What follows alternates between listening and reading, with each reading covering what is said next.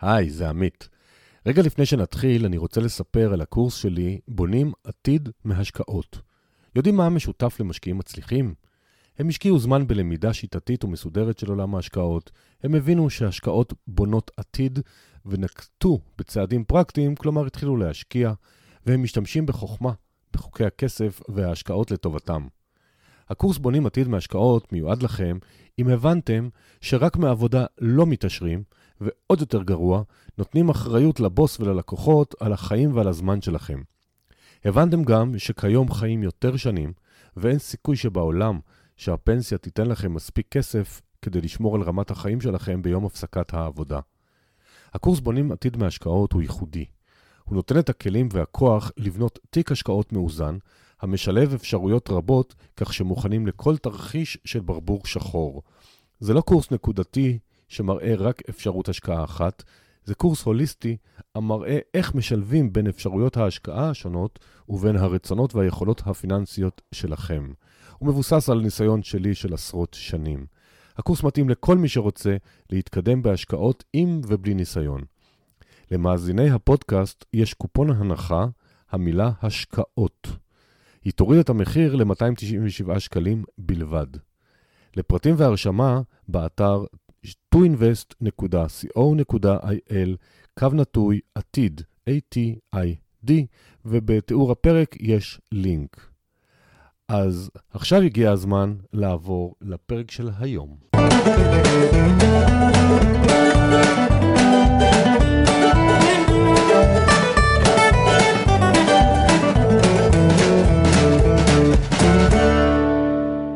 שלום לכולם, זה עמית. Uh, תודה רבה לכם שבחרתם להאזין לפודקאסט כסף והשקעות היום.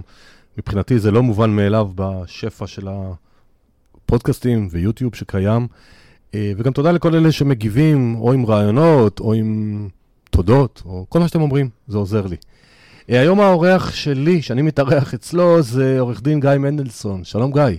שלום וברכה, עמית. אנחנו נדבר עם גיא על uh, נדל"ן, על פיתוח אישי. על כסף והשקעות, נערבב את הכל, כי שנינו מאמינים שהכל משולב. גיא, שמי שלא יודע, זה שם שמאוד קרוב לליבי, כי הבן הבכור שלי קוראים לו גיא, אז הוא בן 49, הוא אבא לשלושה ילדים, עורך דין, מומחה נדל"ן, משקיע, יזם ומייסד את קהילת עושר כלכלי. אז שאלה ראשונה שמתבקשת, איך הגעת לנדל"ן? איך הגעתי לנדל"ן? אני, אני תכף אגיד לך, עמית, אבל לפני כן, אני רק רוצה להגיד לך שהרי זו פעם ראשונה שאנחנו נפגשים עכשיו. באמיתי כן. כן, נכון, דיבר, אני הכרתי אותך לפני איזה שבוע, שבועיים, ולא הכרנו לפני כן, ואז כשפנית אליי, התחלתי להיכנס ו- ובאמת לראות את, ה- את הפוסטקאסט שלך ואת כל הדברים, ואני אומר לך, הרבה זמן האזנה היה לי על הדברים שלך, ורציתי להגיד לך שזה מקסים. שזה, שאתה, רואים שאתה ממש משקיע ומכתת רגליים ונוסע לכל הארץ. עכשיו ו... אני בראשון. עכשיו אתה בראשון, זה עדיין, זה עדיין, כן, לא, בשבילי זה חוץ לארץ. ופשוט מביא תכנים טובים ואיכותיים לאנשים שרק צריכים להקשיב. אז קודם כל להגיד לך תודה רבה, תודה על הזכות. להיות חלק מהאנשים שאתה מראיין. ועכשיו איך הגעתי לנדל"ן? אבא שלי, זיכרונו לברכה, אה, היה עורך דין. אה, סבא שלי, זיכרונו לברכה, עוד ברומניה, גם כן היה עורך דין. אז האמת שלא כל כך היה לי, אה, הייתה לי אפשרות. זאת אומרת, זה, אפילו לא הייתה לי את האפשרות לבחור באיזה תחום. המסלול די נכתב מראש. ובאמת סיימתי אה, לימודים, הלכתי ללמוד אה, צבא כמובן, הלכתי ללמוד משפטים, ובאתי והתחלתי לעבוד במשרד, משרד עורכי הדין של אבא שלי, ושמתעסק בנדל"ן, אבל כאן כן קרה משהו. בנוסף לאהבה המאוד גדולה שלי עד היום לעולם המשפט, שזה פשוט כיף להיות בתוך העולם הזה, בכל מקרה עבורי, אז נחשפתי לעולם הזה של הנדל"ן. והאמת שהתאהבתי, זה היה סוג של אהבה עם מבט ראשון. ומאותו רגע התחלתי לא רק להסתכל על העסקאות בעיניים של עורך דין, אלא להסתכל על זה בעיניים של, של משקיע. הייתי פשוט שעות, הרבה מעבר לזמן של העבודה, יושב על עסקאות של המשרד, מנתח אותם, רואה, שואל שאלות את הלקוחות של המשרד, הרבה מהם זה משקיעים, קבלנים, ולומד עד ש... האמת שדי מהר קיבלתי החלטה שגם אני רוצה. ראיתי את הקסם שיש בעולם הזה של הנדל"ן, והחלטתי שגם אני, אני אעשה הכל כדי שיהיו לי הרבה נכסים של נדל"ן, והשילוב הזה בין עריכת דין לבין ה- להתעסק כמשקיע, בעיניי, עם הזמן ראיתי שזה אפילו שילוב מנצח גם מבחינת הלקוחות, כי אתה לא רק חושב ברמה של עורך דין, אתה כבר מבין את הדברים מסביב, מה ש... שאני בא במגע עם עורכי דין אחרים, כשהם מייצגים בצד השני, לפעמים זה מוזר לי לראות אנשים שהם רק מסתכלים על הצד המשפטי, והם לפעמים, אתה יודע, עורכי דין אומרים שיש להם כזה כמו אגו גדול, הם שוכחים ש... שעם כל הכבוד לנו, עורכי הדין, בכלל תמיד אהב, נהניתי להיות עורך דין, כי אז אני יכול להגיד עליהם דברים רעים, כי אני חלק מהם. אז מעבר לזה, זה, הקטע המשפטי הוא מאוד חשוב, שלא תהיה אי-הבנה, אבל זה חלק, לא רוצה להגיד קטן, חלק נכבד, אבל זה חלק ממסכת שיקולים אחרים של, שמשקיע צריך לקחת, ובסוף המשקיע צריך לקבל החלטה על סמך חוות דעת מקצועיות רבות, בין היתר של עריכת דין. אז זה מזכיר לי את היום שבאתי לאשתי לפני, זה היה 2012. אמרתי לה, אנחנו הולכים לקנות אה, נכס בחו"ל, מה, מה דעתך? הסתכלה עליי, אמרה לי, תגידי, מה, מה, מה, מה, מאיפה הבאת את השטות הזאת?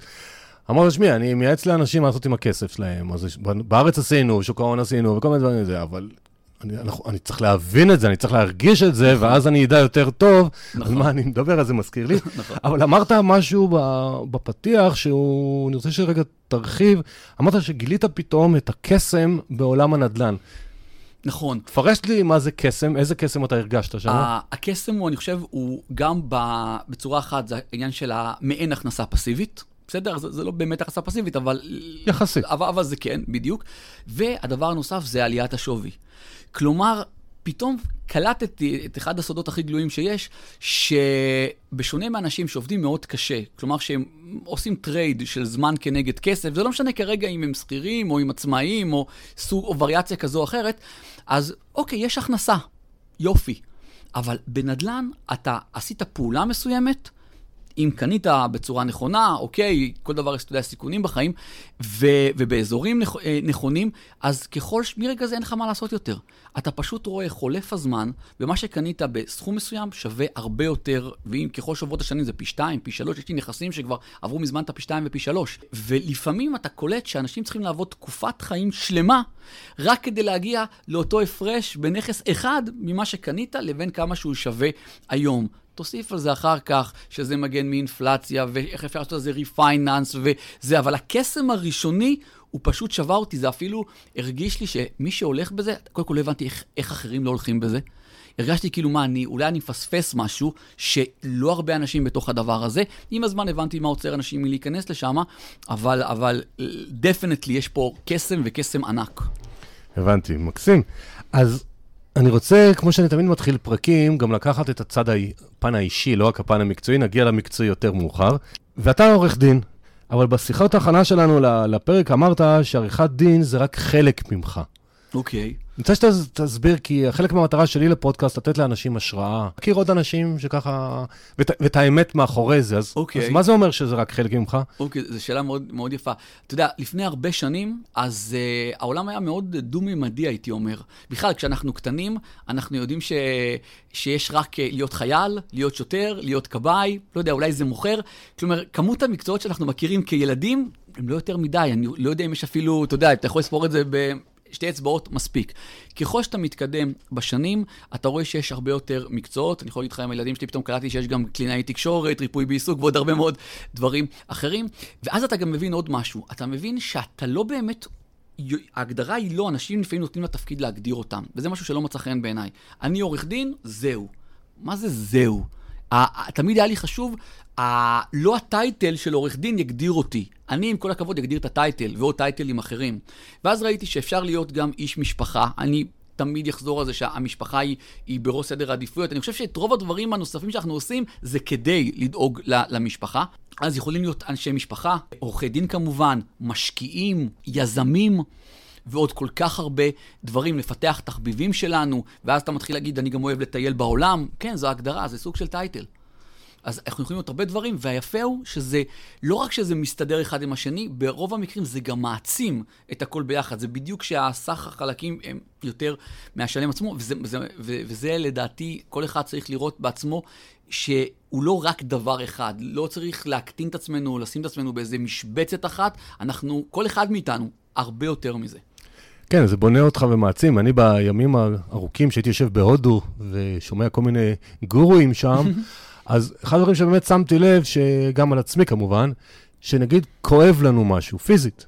אנחנו חושבים שכל העולם עכשיו מרוכז בכאב שיניים שלנו, אנחנו שוכחים את הדברים הטובים שיש לנו נכון, מסביב. זאת אומרת, נכון. השלם הוא גדול.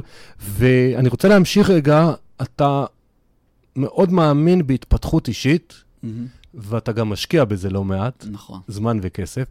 תספר לנו מה שאתה מוכן, מה שאתה רוצה, מה זה התפתחות אישית בשבילך, למה אתה עושה את זה, רעיונות איך כל אחד יכול, או מה שהוא יכול לעשות, כי, okay, אוקיי, כי זה okay. אוקיי. חשוב לדעת. אני, אני אגיד כמה דברים.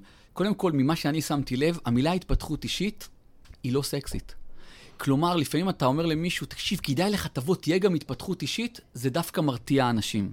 עכשיו, okay. אוקיי. אנחנו יודעים, עוד פעם, מי שמצוי בעולם הזה, שכדי להגיע גבוה, וזה לא משנה כרגע איפה, בין אם זה כעורך דין שיש לי חברת עורכי דין עם עורכי דין שעובדים אצלי, או בין כמשקיע או בכלל, אנחנו יודעים שכדי להגיע לתוצאות הגדולות שלנו, אנחנו נצטרך לעבור תהליך מסוים. התהליך הזה, זה ההתפתחות האישית. אוקיי, אז לפעמים אפילו אני לא אומר לאנשים, בוא, יהיה פה התפתחות אישית, אני אומר לו, תקשיב, אתה צריך לעשות א', ב' וג'. עכשיו, מה זה באמת התפתחות אישית? אני חושב שזה משנה לנו את צורת החשיבה לגמרי. אם תרצה, זה סוג של, אה, אנחנו משדרגים את מערכת ההפעלה שלנו. זה אומר, כשאנחנו ניתקל עכשיו בסיטואציות, ואם נחשוב על זה, בכל יום יש לנו אינטראקציות עם אנשים, בכל יום אנחנו עושים עסקים, לקנות אה, טלוויזיה עכשיו בחנות חשמל, זה, זה לעשות עסק. לשכור אה, אינסטלטור, ללכת לסופר, זה, זה סוג של עסקה שאנחנו עושים. כשאין לנו את הידע הזה, כשאנחנו לא באמת עובדים על עצמנו, אז אנחנו פשוט נקבל את אותן תוצאות ממוצעות. אבל כשאנחנו עובדים על עצמנו, זה אומר שבצומת הבאה שתהיה לנו, וקרוב לוודאי תהיה ביום יום למחרת, שניתקל בסיטואציה מסוימת, עסקית, whatever, אנחנו ניקח אוויר ונפעל אחרת. כי יישב לנו בראש מה הצד השני רוצה, יישב לנו בראש ישר לאיפה אנחנו רוצים לכוון את, האונייה או את השיחה, נגיד לכיוון של ווין ווין. אנחנו נהיה אה, הרבה יותר אה, פרודוקטיביים, הרבה יותר נתייחס לזמן ברצינות. זמן זה, זה אחד מהשלושת המשאבים הכי יקרים שיש, רוב האנשים מסתכלים רק על כסף. כשמתחילים לפסוע בדרך הזאת, שזה מתחיל מספרים ולקרוא ואתה יודע, כנסים, ואתה פתאום רואה שאתה מתנהג אחרת. ואני יכול להגיד לך שהרי זה אנחנו יכולים לדבר הרי אינסוף. בכל מקרה, אני. היו דברים שלמדתי, בין אם זה טכניקות של משא ומתן, שאני ממש זוכר את עצמי יושב פה במשרד שאנחנו יושבים פה על השפות הצהובות מאחור, באיזה עסקה שהייתה סוג של dead end. ואז פתאום עלה לי איזה משהו בראש ששמעתי באחד הקורסים, ופשוט השתמשתי בזה. ופתאום זה, זה הפך את, ה, את הקרה על פיה, אז זה בדיוק העניין הזה של, של התפתחות אישית. עכשיו, מרגע שאתה רואה שזה עובד, אתה רוצה עוד מזה.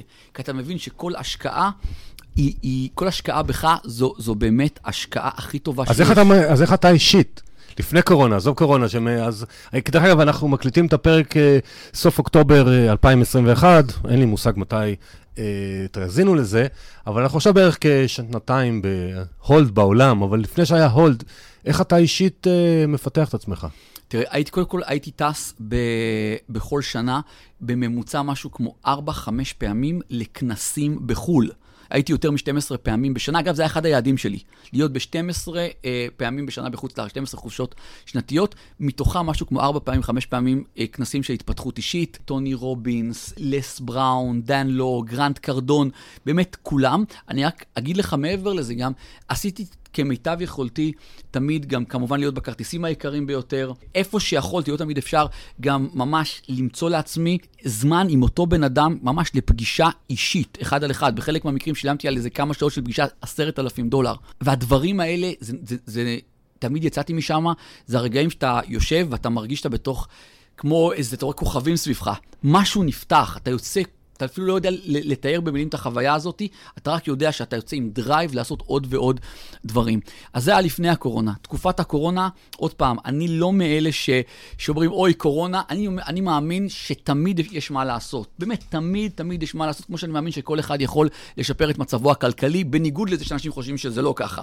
בדרך כלל אלה שחושבים שלא, באים להסביר לך למה אי אפשר, כשכל השאר משגשגים. אז גם בתקופת הקורונה, אתה יודע, אחרי שקיבלנו את המכה, התאפסנו שנייה, פתאום ראית שארץ האפשרויות הגיעה. כולם התחילו לעשות כנסים וירטואליים. אתה יודע, טוני רובינס, ש, שכל הזמן מדבר על זה, שהוא אף פעם, הוא כל הזמן אמר, אין סיכוי שאני אעשה את זה, אין סיכוי, כי זה לא מכניס את האנשים לפיק פרפורמנס שהוא רוצה.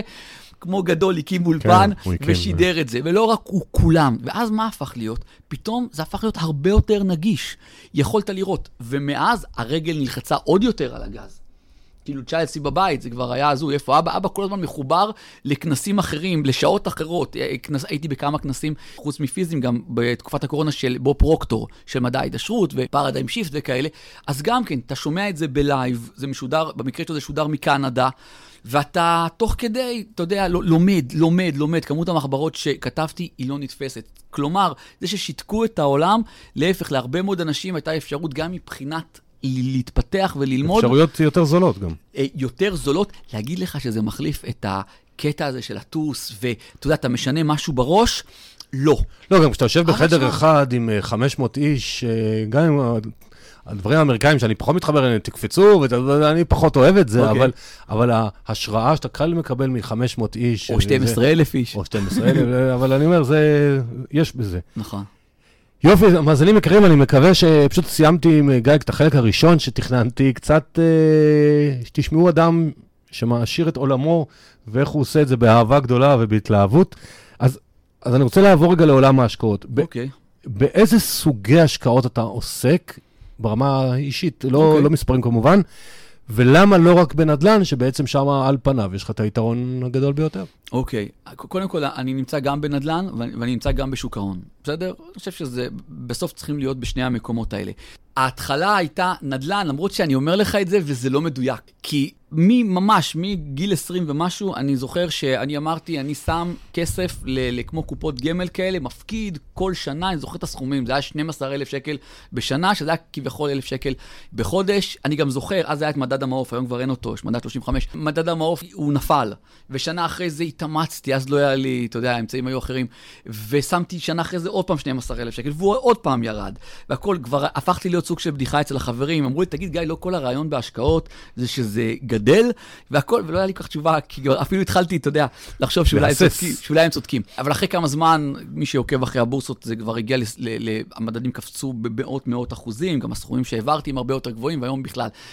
זה רק כדי לתקן, כי אני מבחינתי, אני התחלתי בנדל"ן, אבל הנה, זה היה ברקע. פעם שבדקתי את זה וקראתי, לא, זה עשיתי, אבל זה אוטומט, זה רק מראה איך אנחנו יכולים להשקיע משהו בקטן בשוק ההון, ואפילו לא להיות מודעים לזה שאנחנו משקיעים. התחלתי בנדל"ן, דירות מגורים, אוקיי, זו גם ההמלצה שלי, אני כל הזמן חוזר על זה, בטח למישהו שהוא תושב ישראל, קודם כל, השקעה ראשונה, דירת מגורים. ההמלצה שלי תהיה שזה תהיה דירת מגורים שמיועדת להשקעה, כלומר, ממש להשכיר את זה לסוחר ולקבל כסף שכירות, לא להתגורר בזה. אבל לתושב ישראל זה חובה, כי נכון, בכל מקרה למועד צילום ההקלטה של הפודקאסט, אז מס הרכישה לדירה יחידה עד מיליון 740, משהו כזה, זה אפס, אז זה באמת חבל. גם אין מס שבח בסוף. חבל, מס, זה, נכון, חבל לא לנצל את זה. זהו, אני מס שבח פחות אוהב להתייחס, כי אני, הכיוון שלי הוא לא למכור, אבל עזוב, אני אגע בזה בהמשך. אבל לרכוש, אין בזה מס רכישה. עוד פעם, אם מישהו מתישהו חלם לקנות דירה בארץ, אז אנחנו כבר, הכסף שלנו צמוד לעולם הנדל"ן, בכל מקרה, בארץ. ומעבר לזה, בנדל"ן יש את העניין של המינוף. עכשיו, שכולם יודעים את זה, שאלת למה נדל"ן. על נדל"ן, כי יש את ה... אתה יודע, יש את החכמולוגים. בכלל, אם למדתי משהו בחיים שלי, חלק מהלמידה שלי, שיש ככה, העולם מחולק לשתי קבוצות. יש את אלה שעושים דברים, ויש את אלה שמדברים על אלה שעושים דברים. אוקיי, אני מעדיף להיות בקבוצה של אלה שידברו עליהם. ואז תמיד יהיו את האלה שיגידו, רגע, אבל אתה יודע, סטטיסטית, אנשי האקסלים, לאורך זמן, ופה סטנדרט אנפו 500, התשואות הן טיפה יותר גבוהות בשוק ההון. אני לא נכנס, בשביל זה אני אומר שצריך להיות גם שמה. אבל לגבי המינוף, אחד מהיתרונות של הנדל"ן, גם אם נכון, אגב, אני לא מסכים לזה, אבל גם אם נכון שיש תשואה טיפה עודפת בשוק ההון, זה בדיוק על הכסף ששמת. מה שבנדל"ן אתה יכול לקבל מינוף. זאת אומרת, גם אם לכאורה התשואה תהיה יותר נמוכה, זה הסכום שיכול להיות גם פי ארבע מהסכום ששמת, ואז זה טורף את כל הקלפים, אוקיי? כי יש פה אלמנט של מינוף והכול. תוסיף על זה עניין של אינפלציה. אנשים מקלים ראש בדבר הזה באינפלציה. צריך לפעמים להסביר לאנשים שאם יש לך 100 שקלים ויש איזה מוצר שעולה 10 שקלים, היום אתה יכול לקנות 10 מוצרים כאלה, עוד שנה וחצי קרוב לוודאי שתוכל עם אותם 100 שקלים לקנות 6 או 7 מוצרים. זה הכל, זה הכל. נדל"ן הוכח מדעית שזה אחד, אם לא הכי, תרופות. נגד אינפלציה. הוא תמיד שומר על הערך כסף, וכמעט תמיד גם מעבר לזה. אז יש כל כך הרבה יתרונות שם. זה שיש יתרונות, זה שזה חשוב, זה שגם רואים שכל עשירי העולם מחזיקים נדל"ן, זה לא אומר עכשיו שבן אדם ישמע את העצה הזאת עכשיו בפודקאסט, יגיד, אה, כן, מעולה, הבנתי. ילך, יקנה נדל"ן, לא יבדוק, לא יעשה חקר שוק, לא, אתה יודע, זה לא יהיה רציני, וקרוב לוודאי שיהיה לו פה שכר לימוד מאוד כבד בדרך. כן צריך לדעת לעשות את זה, צריכים לראות שגם בלמצוא עסקה, אני כל הזמן חוזר כן, על זה. אנחנו עוד מעט ניכנס לזה. אוקיי, מעולה. אנחנו ניכנס לזה. אז הבנתי, אתה אומר, עם כל הכבוד לנדל"ן, ואני מאוד אוהב אותו, אני מעדיף להיות גם בשוק ההון, כי כדאי להיות בכל מיני דברים. נכון. אני, דרך אגב, גם לאלה שמשקיעים הרבה בנדל"ן, אני מציע להם שיהיה להם חלק הוני בהשקעות, ולו מהסיבה של הנזילות. כי לפעמים אנחנו כן רוצים איזשהו, אותו סיור מסביב לעולם עם השלושה ילדים אולי, צריך כסף נזיל, ונדל"ן, לא, נמ- לא נממש את זה בשביל זה. אני רוצה לשאול עכשיו כל מיני שאלות שקשורות לנדל"ן, חלקן משפטיות שאתה יודע, וחלקן שמסקרנות אה, משקיעים. כשאתה משקיע בנדל"ן בחו"ל, האם אתה לא מוטרד מהחשיפה המטבעית שאין לנו מושג אם נרוויח או נפסיד או נהיה אדישים לשינויי מטבע? אוקיי, תראה, יש לי לא מעט השקעות בארצות הברית. אני יכול להגיד לך שכל הכספים שמתקבלים שם, הם די הולכים ל- לקנות השקעות נוספות שם. אז חשיפה מטבעית, כן, לא, זה, זה שמה. איפה שיש לי באירופה, אז זה, אנחנו מדברים על יורו עכשיו, אוקיי? אני מסכים איתך, יש עניין כזה של חשיפה מטבעית, צריך להגיד את זה שזה גם כתופס איפה שמשקיעים בשוק ההון. זה, זה, אנשים צריכים לדעת את זה. מי שמשקיע אה, בבורסות שהן מחוץ למדינת ישראל, הוא חשוף גם כן למטבע. יכול להיות שהמניה תרד, אבל השער עלה, אז, אז הוא ירוויח, ויכול להיות הפוך, ויכול להיות שזה ילך לשני הכיוונים. אני אישית לא מוטרד מזה. אבל ללא ספק כן צריך להתייחס אה, לדבר הזה כשעושים את ההשקעה, אני אישית לא מוטרד מזה. אז אתה אומר, אתה בעיקרון לא מוטרד מזה, כי אם החלטת להקצות X מההון שלך לדולרים או לאירו, אז אתה רוצה שה-X הזה יגדל, ואז מה אכפת לך אם זה שער חליפין כזה או אחר? נכון, אני אגיד לך אפילו יותר מזה. אני שאני כל, מאמין גדול, פגיעה אישית, דווקא. אני מדבר הרבה על, על הכנסות פסיביות, אבל אני כל הזמן אומר, אנחנו צריכים להגדיל את ההכנסות שלנו. זה צריך להיות משהו מאוד ברור לאנשים, להגדיל הכנסות. יש כאלה שהם ישר חושבים על ההשקעות, והם בונים כבר על הדברים שיבואו, על הפירות שיבואו מההשקעות. אני חושב אחרת, צריך להגיד לאנשים ביושר, גם בנדל"ן, גם בשוק ההון, זה לוקח זמן. זה לוקח זמן. אם מחפשים משהו שזה לעשות את המכה, אז מטבע הדברים התנודתיות תהיה מאוד גבוהה, ואז גם הסיכון מאוד גבוה, ואני אגלה לך סוד, או למאזינים סוד, אה, סיכון גם יכול להתממש, אנחנו לפעמים מדחיקים את זה. עכשיו, מרגע שאתה כל הזמן אה, עסוק, או יושב לך בראש, בין היתר, איך להגדיל הכנסות, אז אם משהו יורד, אז אתה קונה יותר ממנו, אוקיי? זה, זה שם אותך לפעמים במצב משעשע, כי אתה רואה, השוק עולה, אתה אומר, איזה כיף, כל התיק שלי צומח, הכל, כל ה-ETFים, הכל עולה. עכשיו, כשהוא יורד, אתה גם שמח. אתה אומר, בואנה, יש לי פה הזדמנות קנייה, במיוחד אם הכיוון שלי בעיקר זה לונג, אני כמעט לא מוכר. אז כשזה עולה, אני מאושר, אבל יש לי איזו תחושה ש... אוי, אבל אני רוצה עוד לקנות. כשזה יורד, איזה כיף, חגיגה. בואי, זה, זה ממש יוצא מצב שלא אכפת לך, זה אותו דבר מטבעות. אנחנו מכירים את, הש... את השערים של המטבעות, בטח של היורו, בטח של הדולר. אני תמיד, אני אוהב להחזיק גם כן מטבע חוץ, אז אני משתמש בו שאני טס בכלל ליהנות בחו"ל. אז פתאום, אם יש איזו ירידה יחסית, או השקל מאוד מתחזק, אתה אומר, אוקיי, בוא נתחיל לקנות עוד מהמטבע הזה. אז אני חושב שזה הכיוון ש, שבעיניי הוא מומלץ, ולא העליות עכשיו, רגע, עכשיו הדולר, הדולר עלה, הדולר ירד. ירד, חבר'ה, הזדמנות קנייה, בואו כל הזמן נדאג שיהיה לנו זרימה של הכנסות, כדי שנוכל לנצל את, ה, את האנומליות האלה בשוק, את, ההזדמנ, את ההזדמנויות האלה שנקרות בדרכנו. אז אם אני לוקח את זה טיפה יותר למקרו, אז דבר אחד, אתה מדבר על פיזור השקעות. לגמרי. ש... ודבר שני, אתה מחזק את מה שמי שעוקב אחריי, אני מפמפם את זה איפה שאני רק יכול, להתמקד בהגדלת הכנסות ולא בצמצום הוצאות, כי הצמצום הוא בסוף סופי והגדלה היא אינסופית, נכון, לא משנה כבר נכון, איזה נכון, דרך, נכון. איזה ערוצים, עבודה, יגיעה אישית, להיות שכיר, גם עצמאי, גם השקעות, לא משנה מה, העיקר שיהיה עוד, אני תמיד מזהיר את האנשים, אבל אל תגדילו את uh, רמת החיים, אתם לא ממש צריכים. תכניסו למנגנון זה, עוד, זה, זה, עוד כסף. נכון. זה בדיוק מה שאמרת. שתי, שתי הטעויות, אני חושב, העיקריות שאנשים עושים, כשהם מצליחים קצת להצליח, זה אחד, הם באותה שנייה, נגיד אפילו שכיר קיבל עכשיו עוד איזה כמה מאות שקלים בחודש, באותה שנייה, הוא, אם לא לפני כן, אתה יודע, כבר מעלה את רמת החיים שלו, אבל הוא מעלה אותה לא בסכום שהוא נכנס לו יותר, כבר בכפול.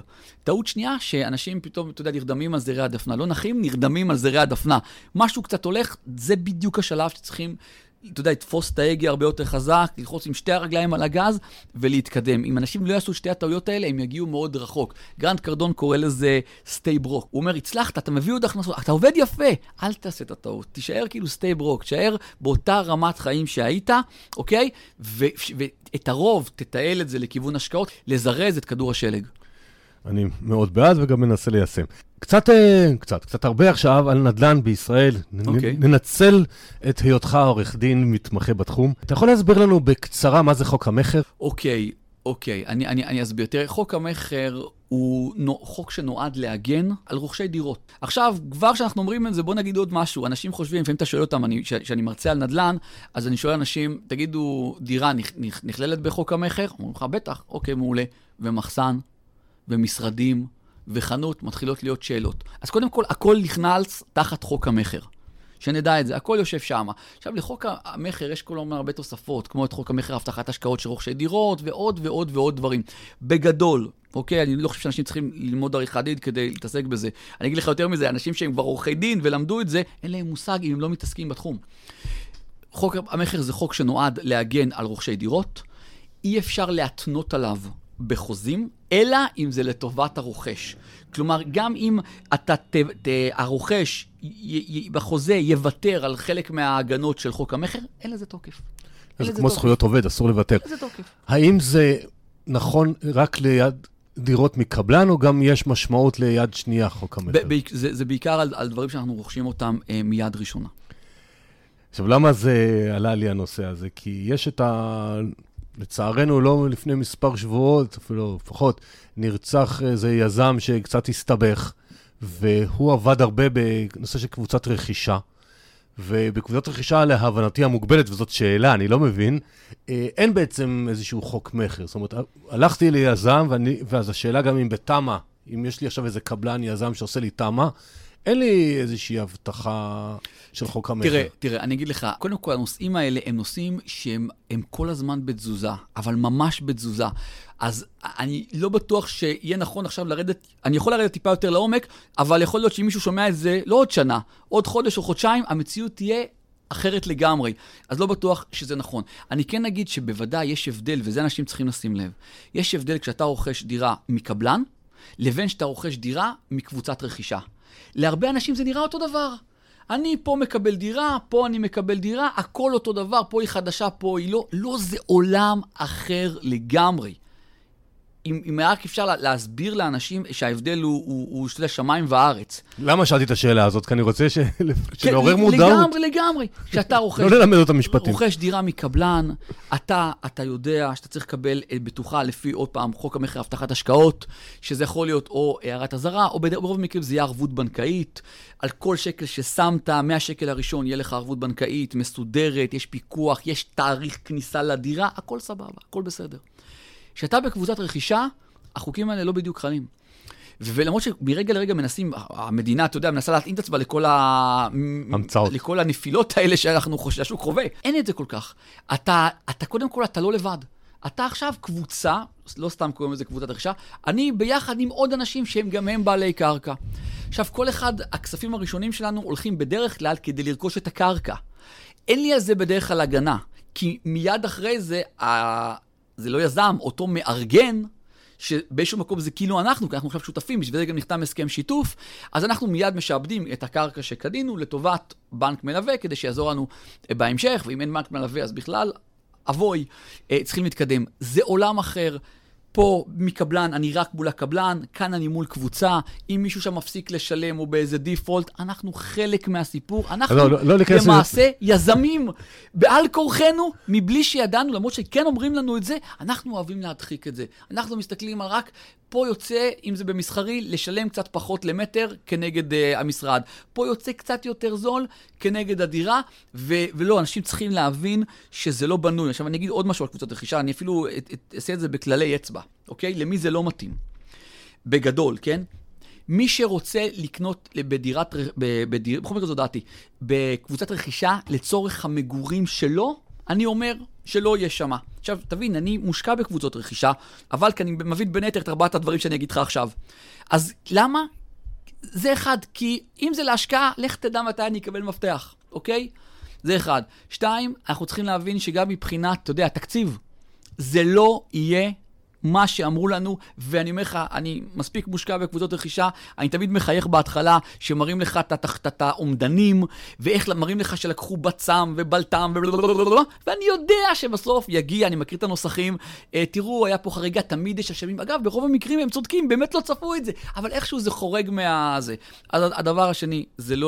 שלנו.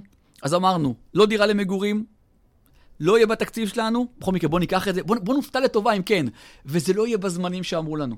אני גם כי עכשיו קיבלתי לא מזמן אה, אה, אה, דירה בפרויקט בבאר שבע של קבוצת רכישה, לא בתקציב, לא בזמן, ואני מאושר שעשיתי את ההשקעה הזאת.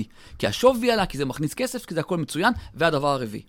הדבר הרביעי זה לא בנוי לאנשים שפוחדים מרכבות הרים. כי כשאתה נכנס לשם, יש אנשים, אתה יודע, כל אחד צריך להכיר את המבנה אישיות שלו. מתחיל בלאגן, ויש קבוצות רצאפ עם אין סוף משתתפים, ויש אינטריגות, וכל אחד. אני, אותי זה משעשע. אני אומר, יאללה, שיילחמו, איזה כיף שיש עוד אנשים שעושים את המלחמה עבורי בין היתר, כי אני ידעתי מראש, אני בטח לא הולך לגור שם, ידעתי מראש שהתקציב יהיה אחר, וידעתי מראש שזה לא יהיה בזמן, ואני מת על רכבות הרים, אוקיי? אז אם מישהו יש לו בעיה עם חלק מהדברים האלה, שבוא נגיד, שידיר את רגליו מהקבוצות האלה. מעולה, מעולה. עוד נושא שבכותרות, זה כל נושא התמ"א. אוקיי. עכשיו, מלא מלא מלא מלא מלא מלא מלא משקיעים ועוד קצת מלא. מחפשים עכשיו את הדירה רגע לפני שהערך שלה יקפוץ והכל טוב ויפה. תעזור לנו בבקשה להבין מה שם צריך לשים לב. כמו שאמרת פה, איזה ארבעת כללים כאלה. מה בכל עולם התמ"א צריך לשים לב ולוודא ולבחון? תראה, תלוי איך אנחנו מסתכלים על זה. אם יש, יש תמ"א אחת, כך קוראים לה תמ"א אחת, שזה תמ"א יותר של חיזוק. כלומר, היזם סגר עם בעלי הקרקע, שהוא מחזק את הבניין. לפעמים הוא, אתה יודע, יוסיפו להם כמה מטרים, מרפסת, אולי איזה מעין ממ"ד כזה, זה, זה מאוד תלוי. וכנגד זה הוא מקבל את זכויות הבנייה, ואז הוא בונה שם יחידות מעל. ויש תמ"א שזה תמ"א 2, תמ"א 2 וגם תמ"א 3, שזה הריסה ובנייה. עוד פעם, באגה, בסלנג, אנשים קוראים לזה פינוי-בינוי. כי מפנים, הורסים, בונים. אבל מבחינה משפטית זה לא פינוי-בינוי. פינוי-בינוי זה במתחמים גדולים יותר, שגם שם הורסים ובונים, בקטע הזה זה דומה, ויש דבר שנקרא הכרזה, לא ניכנס לזה עכשיו, וזה נקרא אה, פינוי-בינוי. עכשיו, כשאני קונה דירה מאותם יזמים, אז בצורה כזו או אחרת זה די דומה לרכישה מקבלן. בטח ובטח כשמדובר בתמ"א 2 ו-3, שזה הריסה ובנייה. אז אני מקבל תוכניות, הכל מסודר, זה די דומה. יהיה לך שם ליווי פיננסי. לא, לא, אני מתכוון, אבל אותו אחד שרוצה לאתר את הדירה יום לפני שהקבלן... אוקיי. היזם מקבל את התמ"א 2-3, אוקיי, אוקיי. ואז יהיה עליית ערך, כי פתאום יהיה, אני אקבל עוד אוקיי. 15 מטר. אז, אני, אז, אני, אז אני אענה. אז קודם כל, רק כדי להשלים מה שאמרנו, בהקשר הזה זה כמעט אותו דבר. זה כמעט אותו דבר. זה כן שונה קצת בתמ"א 1, כי תמ"א 1 כמעט אין ליוויים פיננסיים, כי הבנק, לא, כי ליזם לא שווה להיכנס לזה, ואז שם ההגנה היא הערות אזהרה, שבעיניי זה יותר חלש. בוא נגיד, צריך להיכנס, לקחת עורך דין טוב ולהתעסק עם זה. עכשיו לשאלתך, אני כן חושב שזאת תהיה עצה נכונה לבן אדם שרוצה להשקיע, אתה יודע, בדירות מגורים, ולנסות למצוא דירה במקום שיש שם היתכ... היתכנות אה, להתחדשות עירונית. עכשיו, זה לא חייב להיות מחר בבוקר. אתה יודע, אם זה מחר בבוקר, אז המחיר כבר מגלם את זה. כי הרי מה היופי בנדל"ן? שסטטיסטית, השוק איכשהו עולה למעלה, בטח באזורי ביקוש, ואם קונים נכון. אני מעדיף שעל הנכסים שאני קונה יהיו שני מנועים. יהיה גם המנוע של השוק, וגם המנוע של התחדשות עירונית, גם אם זה יהיה עוד 15 שנה. אותי לימדו, מנטור שלי בנדל"ן, שאומר לי, גיא, 20 שנה זה, זה כלום ב real estate. אז זו, אני חושב שזאת תהיה עצה טובה לחפש באזורים שיש להם התכנות להתחדשות עירונית. מהיום למחר, קרוב לוודאי שהמחיר כבר גולם שם. אז לא, לא עשינו, אתה יודע, יותר מדי. אבל כן, זו עצה נבונה. נשאל רגע על קרקעות חקלאיות. הרבה פעמים עולים באינטרנט, בפייסבוק, בגוגל, אה, תקנו ב-149 אלף שקל בלבד, קרקע באבן יהודה וכולי וכולי וכולי. מה משקיע קטן שמבסוט שזה נשמע לו זול ונשמע לו מגניב, על מה לשים לב? תראה, אני מנסה להיות ככה ממלכתי עכשיו. לא, זהו, אני רוצה שתהיה ממלכתי, אני אצא ממלכתיות אבל... תוך שנייה. בעיניי, קרקעות חקלאיות, בגדול, תמיד יש חריגים, צריך להבין, גם לכל חוק יש יוצא מן הכלל. גם זה לא כלל. בדיוק. בגדול, קרקעות חקלאיות, אני משווה את זה לפורקס של עולם שוק ההון. ממש ככה, לפורק של עולם שוק ההון. ואם אנשים יסתכלו, הם יראו שרוב האנשים, רוב המשקיעים היותר מתוחכמים, לא תמצא אותם שם. אתה יכול למצוא אותם בכיוון של מי שמוכר. שהם קנו חתיכה גדולה של הקרקעות, עושים חלוקה, ואז מוכרים את זה במחירים הרבה יותר גבוהים לציבור הרחב, מתוך די ידיעה, הצמיחה בשווי כמעט ולא תהיה. עכשיו אני אגיד לך כמה דברים על זה, עוד פעם, זה נושא שבאמת... לא, מבחינתי אנחנו יכולים לעבור לנושא הבא, כי אמרת את מה שאני גם חושב, אז... אה, אבל רק אני כן אגיד נקודה, שים לב את מי זה תופס שם. זה תופס דווקא את האנשים ש... כל הונם זה ה-150-200 אלף שקל. בדיוק, לכן אני רציתי שהמאזינים, שיש לנו גם מאזינים צעירים, שלפעמים שואלים אותי פשוט, ואני, אין לי את הכובע של עורך דין, שאני גם ראיתי מלא עסקאות. אני, יש לי דעתי הסובייקטיבית ומקרים בודדים ששמעתי. אז קיבלתי אישור ל... עכשיו, רק להיות כאילו זהירים, יש מקרים שנתקלתי בהם בודדים, שאתה יודע מה, זה, זה אחרת, אבל גם כל הצורה מסביב אתה רואה שהיא אחרת. גם בשיווק, גם בדוחות, בדוחות שמאיות לפי תקן 22 זה נראה אחרת. במקרים הלא טובים, אתה יודע, הדוח שמאי זה, זה נראה בדיחה. אתה, אתה רואה שהוא מצטט שם כתבות שאתה רואה שהיזם דאג שהם יהיו, וזה מה שהוא שם בדוח שמאי כדי להראות לך איזה סוג של שווי. למות. אבל עוד פעם, אנשים קונים את זה, וזה בדיוק האוכלוסיות היותר חלשות. כן, כן, לכן, ממש, לכן העליתי את הנושא הזה. להיזהר, לכן, הנה, שמעתם? אה, שמעתם את זה מעורך דין הצע. שאלה הבאה, שהרבה פעמים שואלים את עצמם אנשים, אדם רוכש דירה מקבלן. האם יש טעם להביא עורך דין מטעמו, או שבעצם אין לו מה לעשות, כי אני שואל את זה כמשקיע. כי היזם יגיד לו, אתה לא רוצה לקנות, יש לי 100 כמוך שמוכנים את החוזה שלי לקבל as is. אוקיי, okay, תראה, קודם כל זה, אתה יודע, אני, אני די biased כאן, כי זה כמו שאני אהיה סנדלר עכשיו, ואני אגיד לך, עזוב, לך תקנה נעליים חדשות, לא זה, אבל עכשיו אני אגיד בשיא הרצינות. אני חושב שזה חובה. זו חובה... לא, אני שואל אם, אם היזמים מקשיבים לעורך דין שמגיע מטעם הלקוח. תלוי בשוק. תלוי בשוק. אני אומר לך את זה כמי שמייצג פה, אני חושב, למעלה, יש לנו פה, יש לנו המון קבלנים ולמעלה מכמה אלפי יחידות אנחנו מייצגים. לא, אני יודע שאתה מייצג גם וגם, ולכן אני שואל אותך, כי אתה שחקן כפול פה. זה מאוד מאוד, אתה יודע, זה מאוד תלוי בשוק.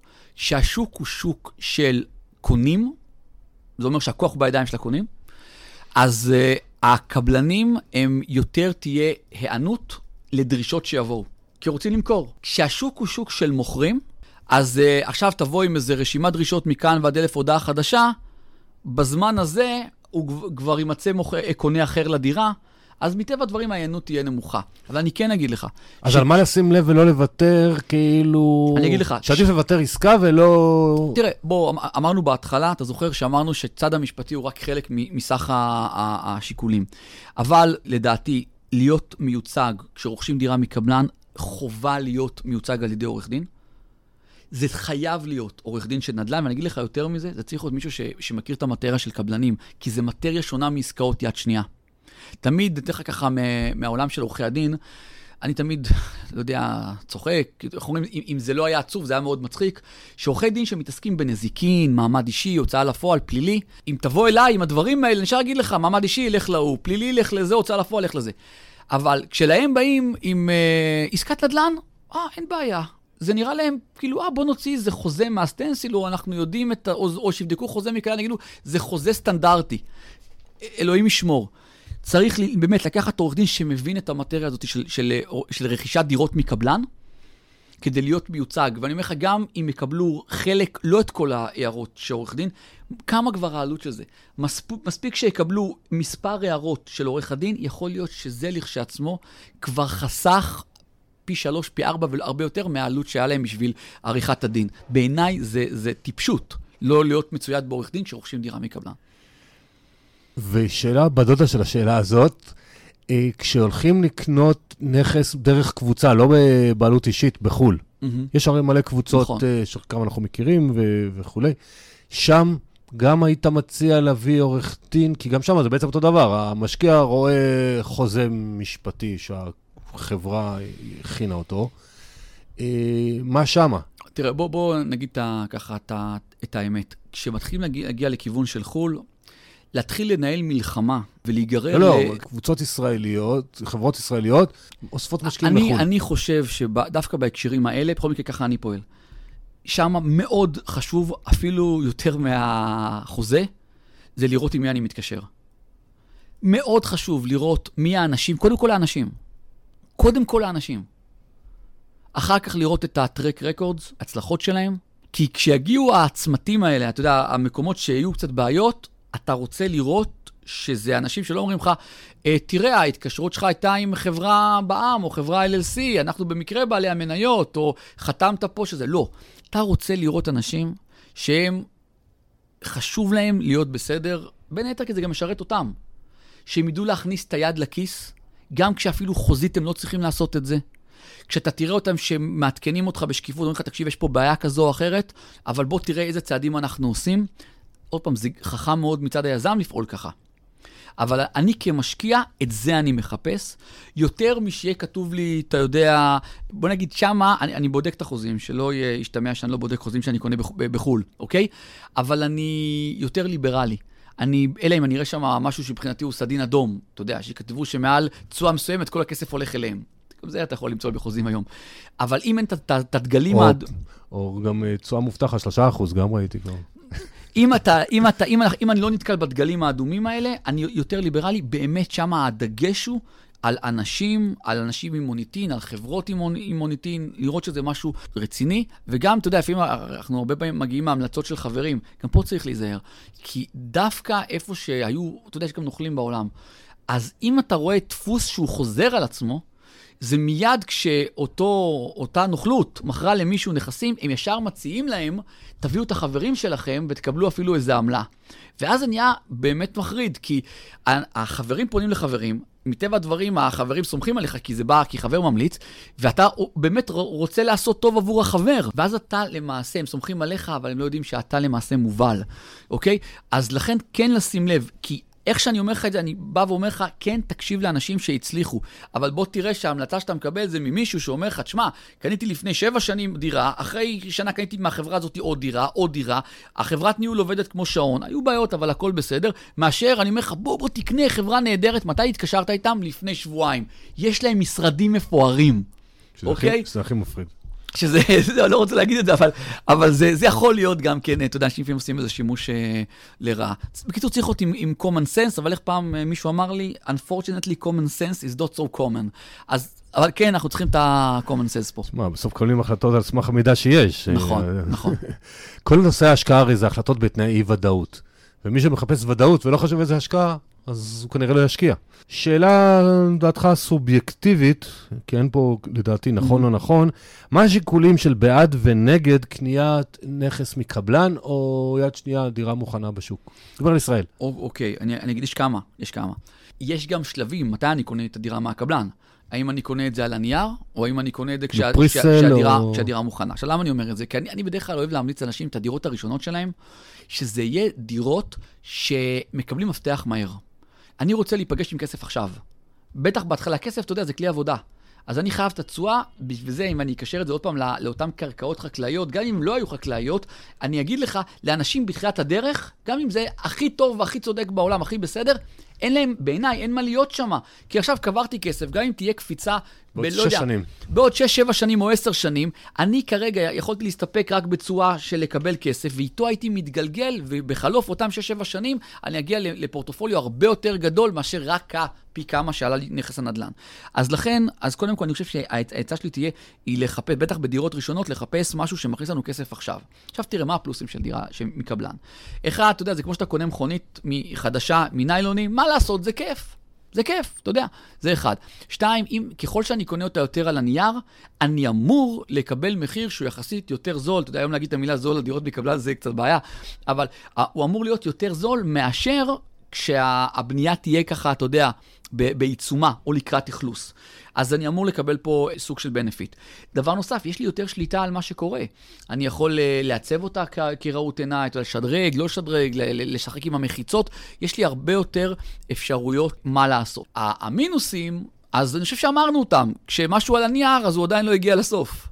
אז אולי יקרה משהו, אבל פה אני כבר ארגיע ואגיד, בתקופה של היום בנקים שמלווים פרויקטים, הם נכנסים לקרביים של, ה, של הקבלנים, הם לא רוצים שיהיה מצב מה שהיה בעבר, שפתאום הם נשארים עם, ה, עם הלבנות.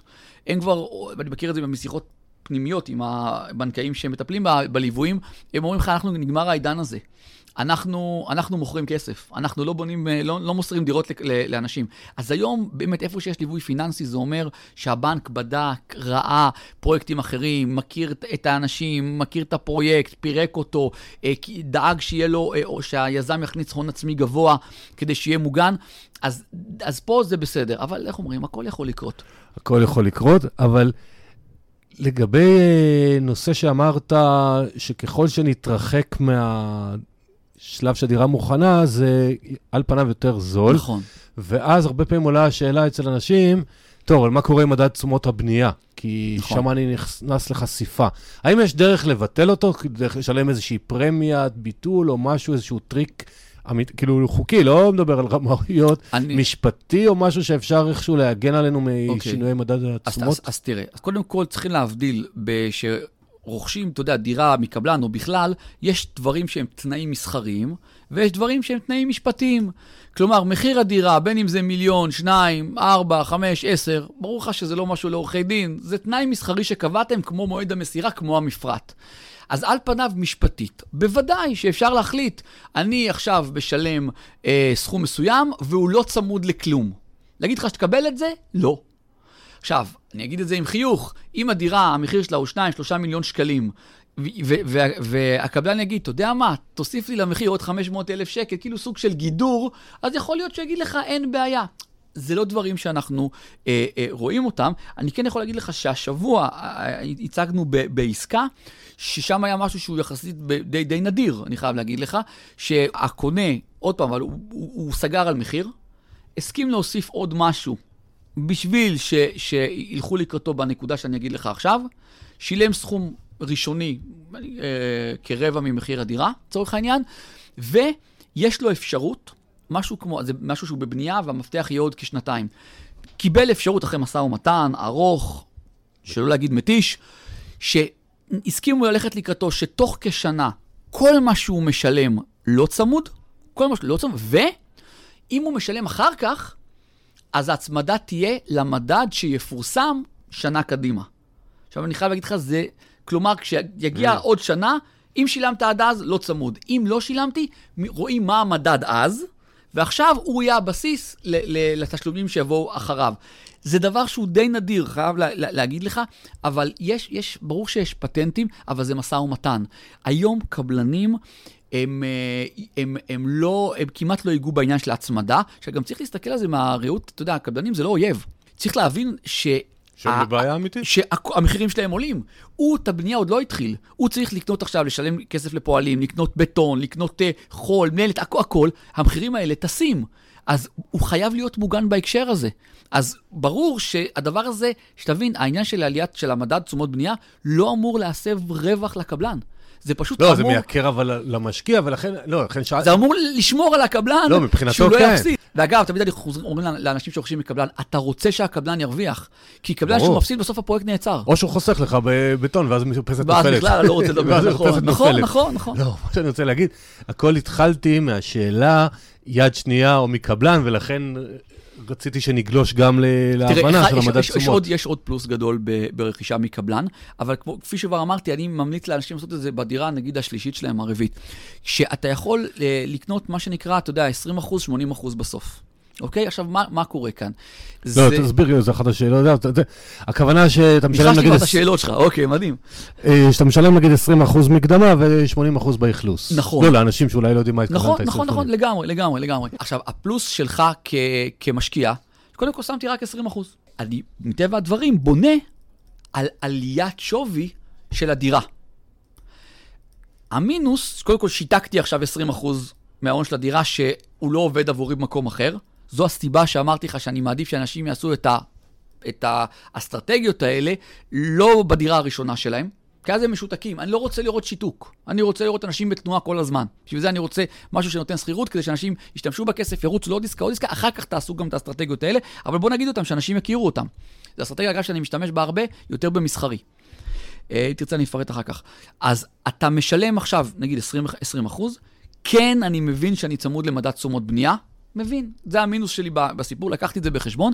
אני בונה על זה שהעליית שווי תהיה איך אומרים, הרבה מעבר למדד תשומות בנייה. כן, אבל זה לא יעזור לך, כל עוד אתה אומר שאתה בעצם קונה דירה for hold לנצח, אז זה שהיא עכשיו שווה על הנייר יותר כסף. כן, קודם כל זה כסף. זה עוזר לך קצת בשכירות. לא, לא, לא, זה עוזר לי, זה עוזר לי מאוד. זה עוזר לי... אה, במינוף, ב-refinance. לגמרי, זה עוזר לי ב-refinance, זה עוזר לי בעושר פיננסי, זה עוזר לי המון. אבל עדיין, כשמישהו הולך באסטרטגיה הזאת, הוא יכול לבחור בשתי הצורות. אופציה אחת, למכור אותה אחר כך. הוא יצטרך לחכות לטופס 4, כן, כן. בסדר? הוא יצטרך להבין שהוא צריך להשלים את הכסף. יש דרכים לעשות את זה אחרת, אבל בטח לא ניגע בזה עכשיו. ומי שרוצה להחזיק את הדירה, איזה כיף. שילמת רק 20 עכשיו אתה, אתה לוקח מינוף, אבל כבר שווי הדירה הוא הרבה יותר גבוה.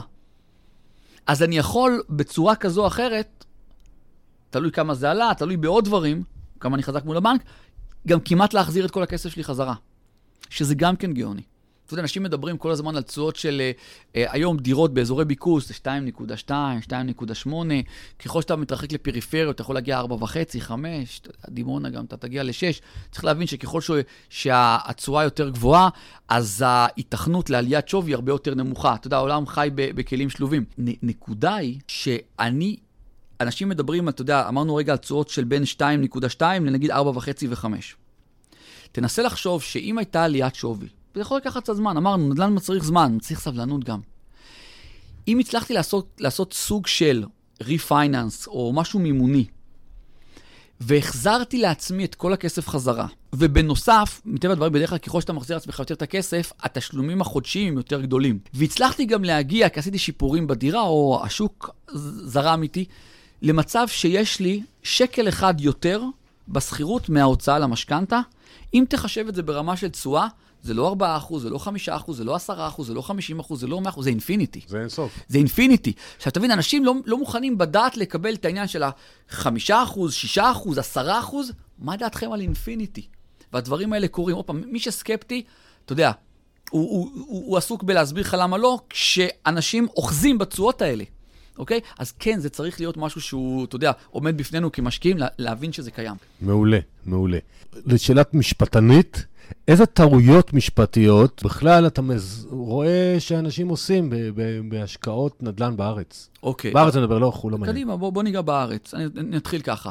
חלק מהטעויות זה דברים ש, שהם יתגלו אחר כך, כי לא יצא חוזה בגלל זה, אבל יכל, אם היו פועלים נכון, היו חוסך להם הרבה מאוד זמן. אני גם אגע בזה. דבר אחד, לראות בכלל שהדירה היא דירה. צריך לבדוק, לראות שזה באמת מה שאנחנו רואים ונחזק כדירה, זה שיש לך דלת כניסה, מטבח, סלון, שירותים, לא באמת אומר שזה דירה. זה יכול להיות מחסן שיסב אותו לדירה, זה יכול להיות פעם בתל אביב, בזמן, היו שם, בקומות העליונות זה היה חדרי כביסה. עם הזמן כבר, אתה יודע, אנשים הפכו את זה לדירות, כי כבר היום כל אחד מחזיק מכונת כביסה, והדירות האלה עדיין לפי היתרים לא כולן מוגדרות כדירה. עכשיו, תדמיין שהלכת על דבר כזה, ובסוף אתה קולט שלא רכשת דירה. לא, לא רוצה לדבר על השווי, שקנית משהו בשווי הרבה יותר נמוך. בוא נגיד שגם ידעת את זה ואמרת, לי זה טוב. אבל מה, אתה תיקח משכנתה, הבנק יגיד, אני שמח שלך זה טוב, אבל אני כבנק לא, לא, לא מאפשר לך משכנתה על זה. או עושה לך הפחתות, ואז אתה אפילו לא יכול לקיים את העסקה שנכנסת. אז אני חושב שהדבר הראשון זה לראות שמה שאני קונה זה דירה. הדבר שני, לראות גם כן, היא, היא באמת כולה מוגדרת אה, חוקית. כי אתה יכול לבוא ולראות דירות שהן ארבעה חדרים, אבל אם קצת תבדוק, אתה תראה שזה, במקור זה דירה שני חדרים, ומישהו השתלט רכוש ציבורי, אתה יודע, רכוש משותף. אז אלה דברים בעיניי מהותיים, ועוד פעם, גם אם מישהו יודע את זה ואומר, אתה יודע מה, לא אכפת לי, לבנק זה יהיה אכפת. השמאי של הבנק יעלה על זה, יעשה לך הפחתות, ויכול להיות שאתה תהיה במצב של הפרת חוזה, מלחמות אתה לא רוצה להיות, אף אחד לא רוצה להיות אה, במקום הזה. אז אלה שני דברים לדעתי עיקריים. מעבר לזה, צריכים לראות שאתה יודע, עיקולים, או, או אם יש משכנתה, מה היתרה לסילוק. צריך לראות איך בונים את העסקה. פה, פה חייבים עורך דין, זה ברור. והדבר הנוסף שאמרתי לך שיכול לחזור, לחסוך הרבה זמן, ותכף אני לך גם עוד איזה עצה נוספת, שהיא דווקא לא בהכרח משפטית, מה ש... לראות שאני באמת מנהל משא ומתן עם מי שמורשה למכור לי את הדירה. עכשיו, זה נשמע מאוד פשוט, אבל אני אומר לך, הייתי, אתה יודע, פעם בדקתי, ראיתי שהצגתי ביותר מ-4,000 עסקאות. פעם, לא יודע, שימים לי, התחלתי לבדוק את זה. אז אתה רואה, אתה, אתה, אתה רואה הכל, ומצד שני, כל אנחנו לומדים דברים חדשים. אתה רואה מקרים, משא ומתן מסוים, הדירה בכלל רשומה על שם האישה, זה מקרה קל. והבעל מנהל את כל המשא ומתן. היא לא בהכרח ידעה שזה הכיוון, הוא ישב לו בראש. הוא חשב שהיא תאהב את זה. ואז כשכבר מתחילים, אחרי שכבר משא ומתן, ומה לא היה שם, באים, האישה אומרת, סליחה רגע, מה בכלל דיברת עם שלמה? מה, דיב- אני בכלל לא, אני לא רוצה למכור את הדירה, ההוא גם כן הבעלי הזה. נראה לי שזה מה שאני צריך לדעת אותו בהתחלה, היה חוסך לי הרבה עגמת נפש. דבר נוסף, אה, יורשים. אתה יודע, יש הרבה פעמים יורשים, יש איזה כמה יורשים, איכשהו יוצא שאחד מהם בכלל מתגורר בבית של ההורים, של המנוחים כבר, הוא אין לו מחשבות לעזוב את הבית, הוא לא משלם שכירות, כיף לו שם, הוא רוצה שזה יישאר לנצח. אח אחר מנהל הכל. ואז אתה מגיע למצב שאתה רואה שמישהו שם לא מוכן לחתום, והם בסכסוך ביניהם, או דברים כאלה. עזוב, צריך מ- מראש, אתה רואה נסח, אתה רואה אישור זכויות, לקלוט. חבר'ה, אני קולט שיש פה יורשים. בחלק מהמקרים זה בכלל עדיין רשום על שם המנוח.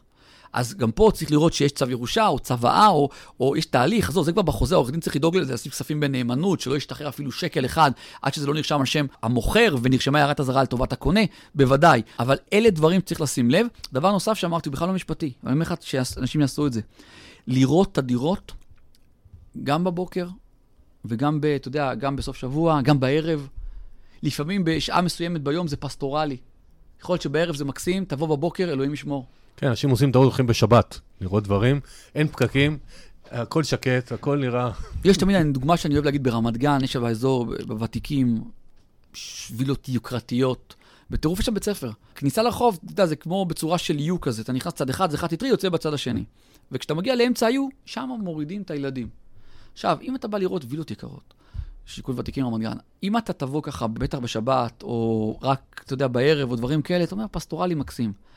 שאתה עכשיו צריך, כל בוקר, לצאת. להתחיל, אם אתה מסתכרן עם השעות האלה, לראות שאתה אין לך איך לצאת מהחנייה לתוך הכביש, שכל שנייה מכוניות עוצרות שם ושמות לך עם היד, רק שנייה, רק שנייה, מוריד ילד, מוריד ילדה. תשמע, אני הייתי רוצה את האינפורמציה הזאת לפני שאני שם את מיטב כספי על הדירה, והיפה הוא שזה לא קשה לה, לה, לגלות את זה. זה פשוט לא להתעצל ו- ולבדוק. זה אפילו לא לכתת רגליים, זה קצת לבוא אחרת. איזה יופי.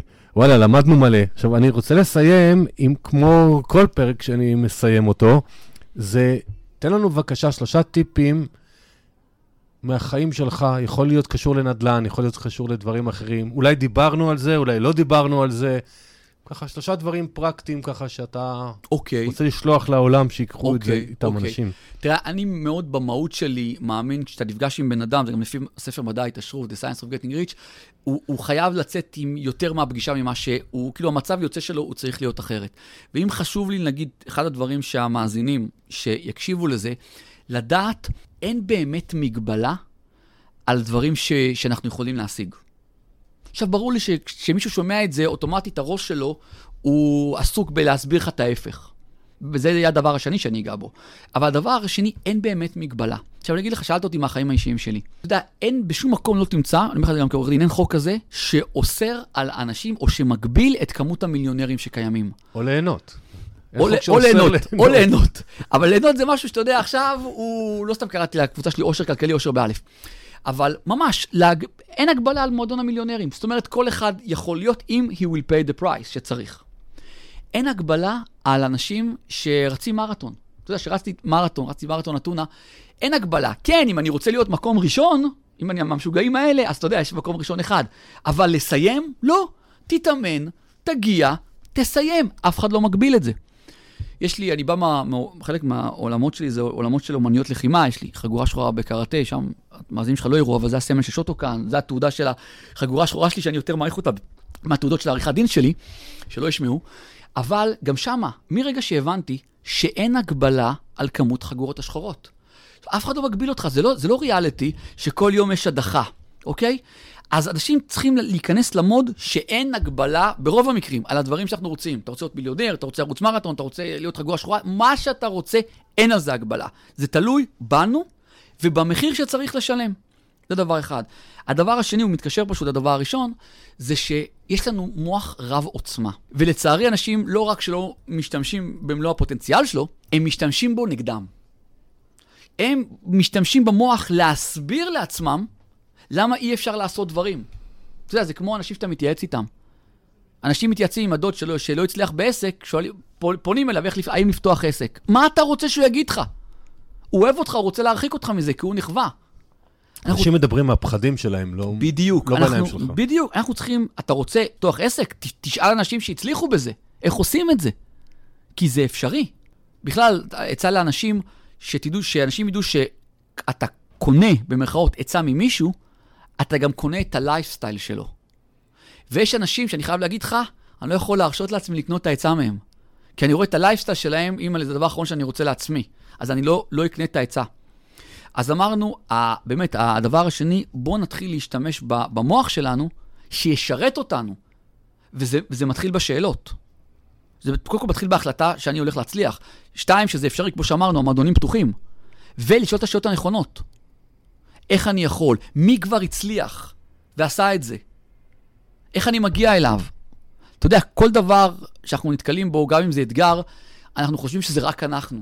מסתבר שכמות אינסופית של אנשים נתקלה באותו אתגר. וכמות מאוד גדולה מתוכה פתרה את האתגר. ועוד כמות מתוכה כתבה על זה ספר, יש לה ערוץ יוטיוב והכל, ו- ואפשר לשאוב את הידע ולהתקדם. אלה שאלות נכונות, איפה המידע, מה אני צריך לעשות, מה הפעולה הבאה שלי, מה... אוקיי. ואני חושב שהדבר האחרון, ואני חושב שהוא חשוב מכל, זה לקחת אחריות. אחריות אישית. לצערי, רוב האנשים, איפה שאני לא נמצא, אתה יודע, תמיד אנחנו מדברים על העשירים, מצליחים, לא, לא, זה 3%, 4% באוכלוסייה. האם ה-90 ומשהו אחרים לא יכולים להצליח? בוודאי שכן. האם יצליחו? לא. סטטיסטית לא. למה? אני חושב שהמפתח הוא, בין יתר הדברים, זה לקחת אחריות אישית. אנשים מבלבלים בין אשמה לאחריות אישית. כלומר, מישהו אומר, תשמע, תראה מה קרה לי, עקצו אותי, באה הקורונה, זה לא אשמה שלי. נכון, זה לא אשמה שלך. הקורונה לעזאזל, זה באמת לא אשמה של אף אחד, אולי חוץ מאלה שהיו שם במפעל בסין. זה לא אשמה של אף אחד. אבל, זה שזה לא באשמה שלי, זה לא קשור. זה באחריותי לפתור את הבעיה. אני קורא לזה להתלונן, זה לא תוכנית עבודה. ממש לא, ממש לא. זו תוכנית עבודה שתביא אותך רחוק מאוד, גרוע מאוד, נמוך מאוד. וברגע שאנשים, עכשיו אתה יודע, זה לא כיף, כי מרגע שאנחנו לוקחים את האחריות לעצמנו, אנחנו גם לוקחים את הכוח לידיים שלנו. אנחנו גם אשמים שזה לא יצליח. ואז זה אומר שאנחנו צריכים להתחיל לעשות. אבל זה בדיוק העניין. אנשים צריכים לקחת אחריות, להיות המון בהוקרת תודה, דיברנו על זה בהתחלה, על הדברים שיש לנו בחיים. בכלל, אנשים תמיד מתרכזים במה שאין להם. בואו נתרכז במה שיש, כי יש המון. אם מישהו עכשיו מאזין לנו, זה אומר שהוא נמצא כנראה במקום הערבי, עם אינטרנט, יש לו הרבה על מה להגיד, יש לו אוזניים להקשיב, יש לו הרבה מאוד דברים על מה להגיד תודה. אז אתה יודע, אנשים גם מה אתה רוצה שיהיה לך? תראה, לא בא לי א', ב' וג'. אנשים עסוקים במה לא. בוא נתרכז במה שכן, ובאמת הדבר הזה, העיקרי, אני חושב, זה לקחת אחריות, להבין שאם אני רוצה להשיג תוצאות שהן שונות מהתוצאות שלי עכשיו, אני חייב לעשות פעולות אחרות. ואני אגיד לך בקשר לזה, זה אנשים מכירים, אתה יודע, איינשטיין, הוא אמר ש, שלעשות, לצפות לתוצאות אחרות, שאני עושה את אותן פעולות, זה הגדרה של אי שפיות. אז כן, ברור שצריך לעשות פעולות חדשות כדי לקבל תוצאות אחרות, אבל כדי שאני אעשה פעולות אחרות, אני חייב שיהיו לי מחשבות אחרות, אוקיי? וכדי שתהיה לי מחשב, מחשבות אחרות, אני חייב להיות בתודעה אחרת. זאת אומרת, זה לא לשמוע כל היום את החדשות עם הדברים השליליים, זה דופק לי את התודעה, זה משפיע עליי במחשבות, וכפועל יוצא תחשוב איזה פעולות יהיו לי. ובין היתר, אני חושב, צעד ראשון חכם, זה נגיד להקשיב לערוץ הפודקאסט שלך. כי שם אנשים מקבלים תודעה אחרת. זה יוביל למחשבות אחרות, לפעולות אחרות, ופעולות אחרות כבר אמרנו, יגיעו תוצאות אחרות.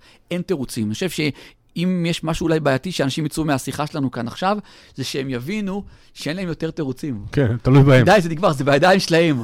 אם עד עכשיו, אה, אה, סבתא שלי לא חינכו אותי, אני לא מחו, בבית שלא דיברו על כסף בצורה כמו שזה, חבר'ה, נגמר. מה שהיה עד עכשיו, נגמר, מעכשיו זה בידיים שלכם, קדימה, לפרוח. איזה כיף, איזה כיף, גיא. תודה רבה על שיחה מרתקת. חיברנו דברים פרקטיים, במרכאות טכניים של משפטים ועריכת דין, עם עולם של תודעה וצמיחה ו- והבנה שכל אחד יכול. אני באיזשהו ספר כתבתי בזמנו, כשאתה מדבר על מיליונרים או עשירים, אני אומר, כל אחד בשכונת מגורים שלו, יש כאלה עם הרבה כסף וכאלה עם מעט כסף. כשאתה מסתכל על עשירים, יש כאלה שיש להם השכלה של תואר שלישי, ויש כאלה שלא גמרו בית ספר. מה שני הדברים האלה אומרים? שאתה לא יכול להאשים את מקום המגורים, אתה לא יכול להאשים. את ההשכלה, זה הכל בסוף תלוי בך, וכל אחד שיקח את זה לאן שהוא רוצה. תודה רבה, היה לי מרתק. תודה לך, למדתי דברים. מאזינים יקרים, בתום הפרק, יש לגיא תוכנית הכשרה בנדל"ן יחד עם יובל שוורצמן, שמי שלא מכיר, מוזמן להקשיב לפרק 43. יובל עוסק בנדל"ן, ויחד עם גיא יש להם תוכנית הכשרה, היא נקראת 100 ימים של נדל"ן, שהרעיון הוא שמי שרוצה באמת לרכוש נדל"ן ומחפש את הכלים, את הידע והעשייה וקבוצה תומכת, הם עושים את זה. זה נפתח לפי מחזורים. המחזור הבא ייפתח בינואר, אז אתם מאוד מוזמנים ללחוץ על הלינק, לקבל מהם את הפרטים, ולמי שזה מתאים, סבבה לגמרי. ותודה לכם עוד פעם שהייתם איתנו, שבחרתם להקשיב לנו. שנינו מקווים שמצאתם את השיחה מועילה. מבחינתי אנחנו נשתמע בפרק הבא. ספרו להורים, לאחים, למשפחה, לחברים על הפודקאסט, ויחד נגדיל את כמות המיליונרים, כמו שגיא אמר. תודה, עמית, היה ממש חוויה, היה כיף. תודה לכולם.